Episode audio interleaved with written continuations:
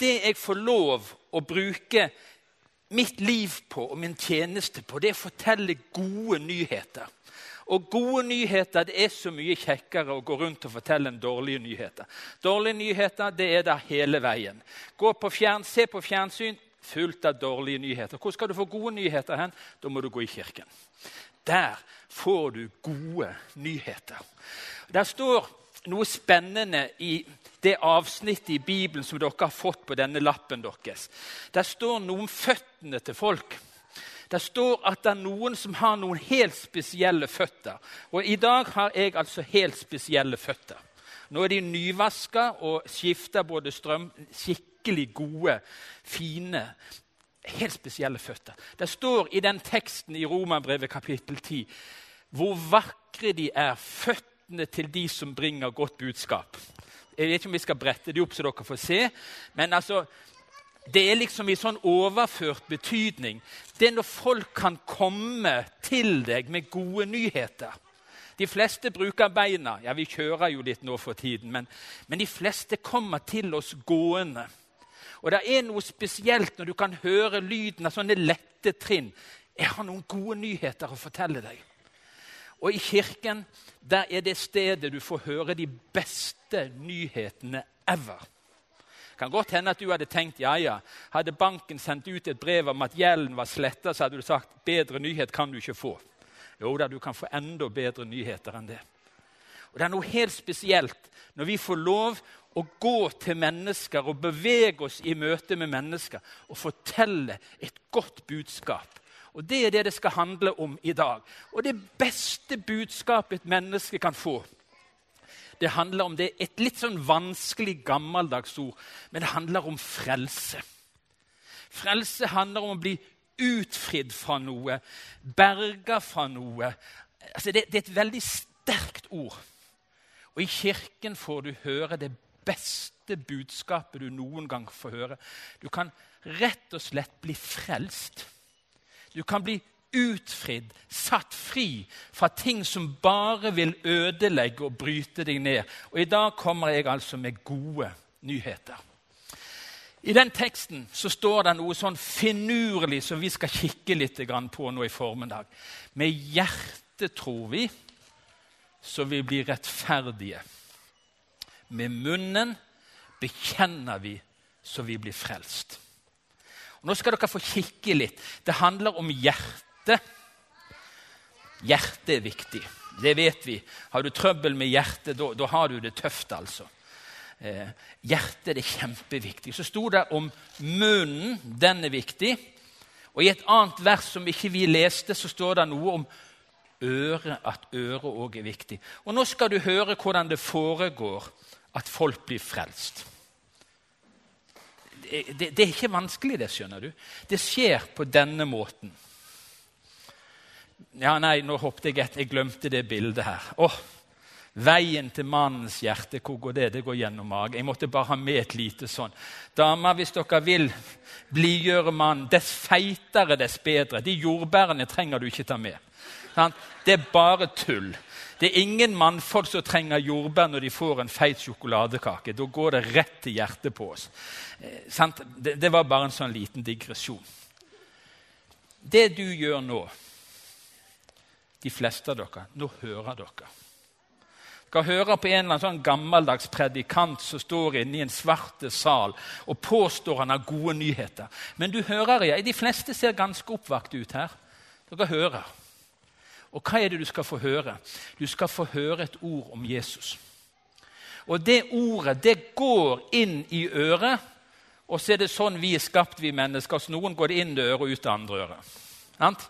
Du kan høre på den måten at det går inn det ene øret og ut det andre øret. Jeg må innrømme av og til når noen snakker til meg sånn bla, bla, bla-snakk, så går det bare inn det ene øret og ut det andre øret. Men andre ganger så forteller folk meg noe viktig, og da stanser det liksom før det passerer igjennom. Når du hører om Jesus, så er den naturlige veien det at det går inn i øret, og så går det ned i hjertet og så begynner du å tro. Det er sånn det skjer, skjønner du. Du hører at Jesus er glad i deg.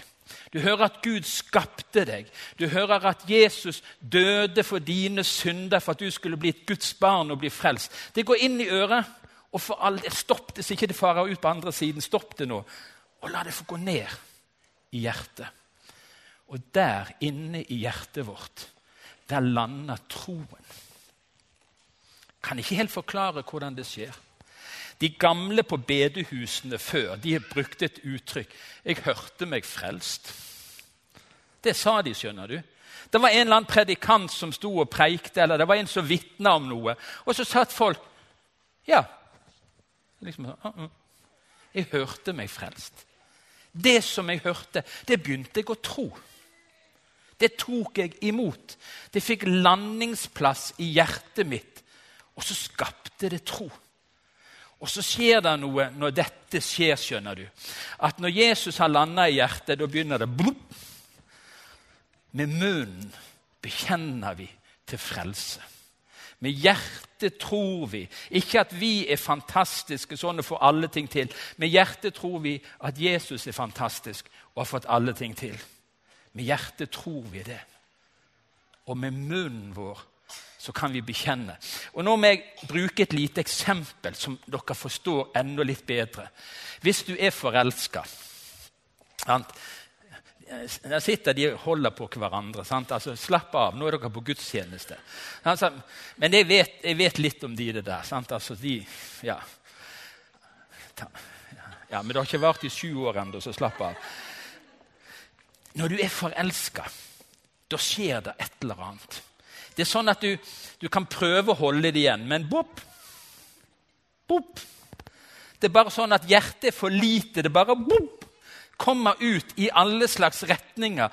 Og det du har mest lyst til å si Du, liksom, du bobler over. 'Jeg må bare fortelle deg.' Ja, Du trenger ikke si det. Ja, hva er det jeg ikke trenger å si? Jeg ser det jo på deg. Du er helt på knærne etter henne der. Du er helt på knærne etter han. Når hjertet blir fylt av noe godt, da blir det sånn at det popper opp. Da vil det fortelle, da vil det ut. Jeg snakker av og til om konen min. Hun sitter nå der bak. sant? Stakkars dame. I 35 år har hun hørt at jeg snakker om henne.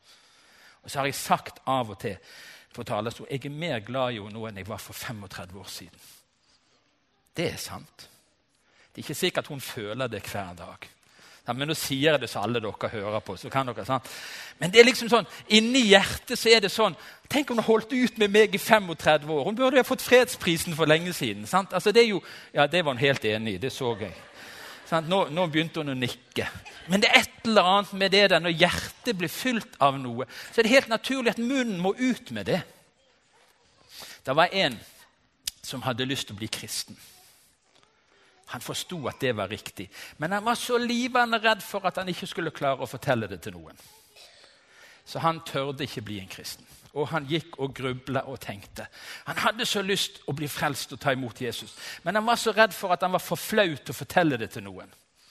Så gikk han til en prest som han traff, og så sa han, jeg kunne godt tenkt meg å bli en kristen, men jeg tør ikke si det til noen.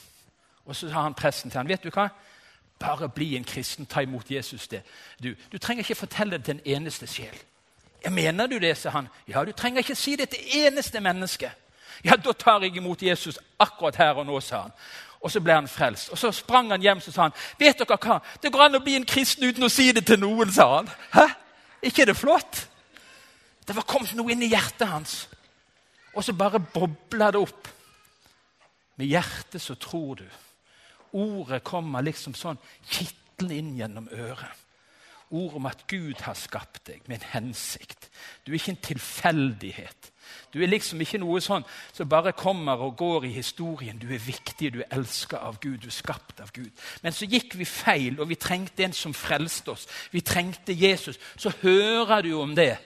Så tenker du ja, det må få lov å lande ned i hjertet mitt. Og når det får plass i hjertet, så bobler det opp rett som det. Det er bare sånn at pop, så kommer det. Jeg var en, en, plass for et par uker siden og skulle ha nye briller. Begynner å bli litt dimma på synet.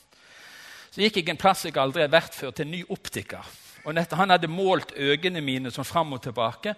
Så spurte han meg hva jobber du da med. sa han. Så sa jeg jeg er pastor. sa jeg. Da kvakk han litt til. Så sa han 'Jeg er ikke religiøs', sa han. 'Nei, det er ikke jeg heller', sa jeg. Og Da ble han helt perpleks, for han trodde jeg måtte være Nei, jeg er ikke religiøs i det hele tatt. Jeg har ikke anlegg for religiøse følelser. Tuller du med meg? sa han. Nei, jeg gjør ikke det. Jeg gjør ikke det. Men jeg har møtt Jesus. Det er noe helt annet, skjønner du. Det handler ikke om religiøse følelser. Det handler om noe virkelig som har skjedd. Du skulle bare sett ørene hans. De vibrerte. Og vi brukte opp tiden til de to andre som skulle vært inne og tatt synsprøve. Og de bankte på døren hele veien for at de skulle måtte Nei, må du komme ut? Nei, vi er ikke ferdig, sa han. Vi er ikke ferdig. Alt det jeg sa, var bare jeg er ikke religiøs. Jeg syns ikke det var veldig mye å skryte av. Men da, da hekta han seg på. Og så trengte han å få høre om Jesus. Du, troens vei, den går gjennom øret, ned i hjertet. Og så bekreftes det med munnen vår.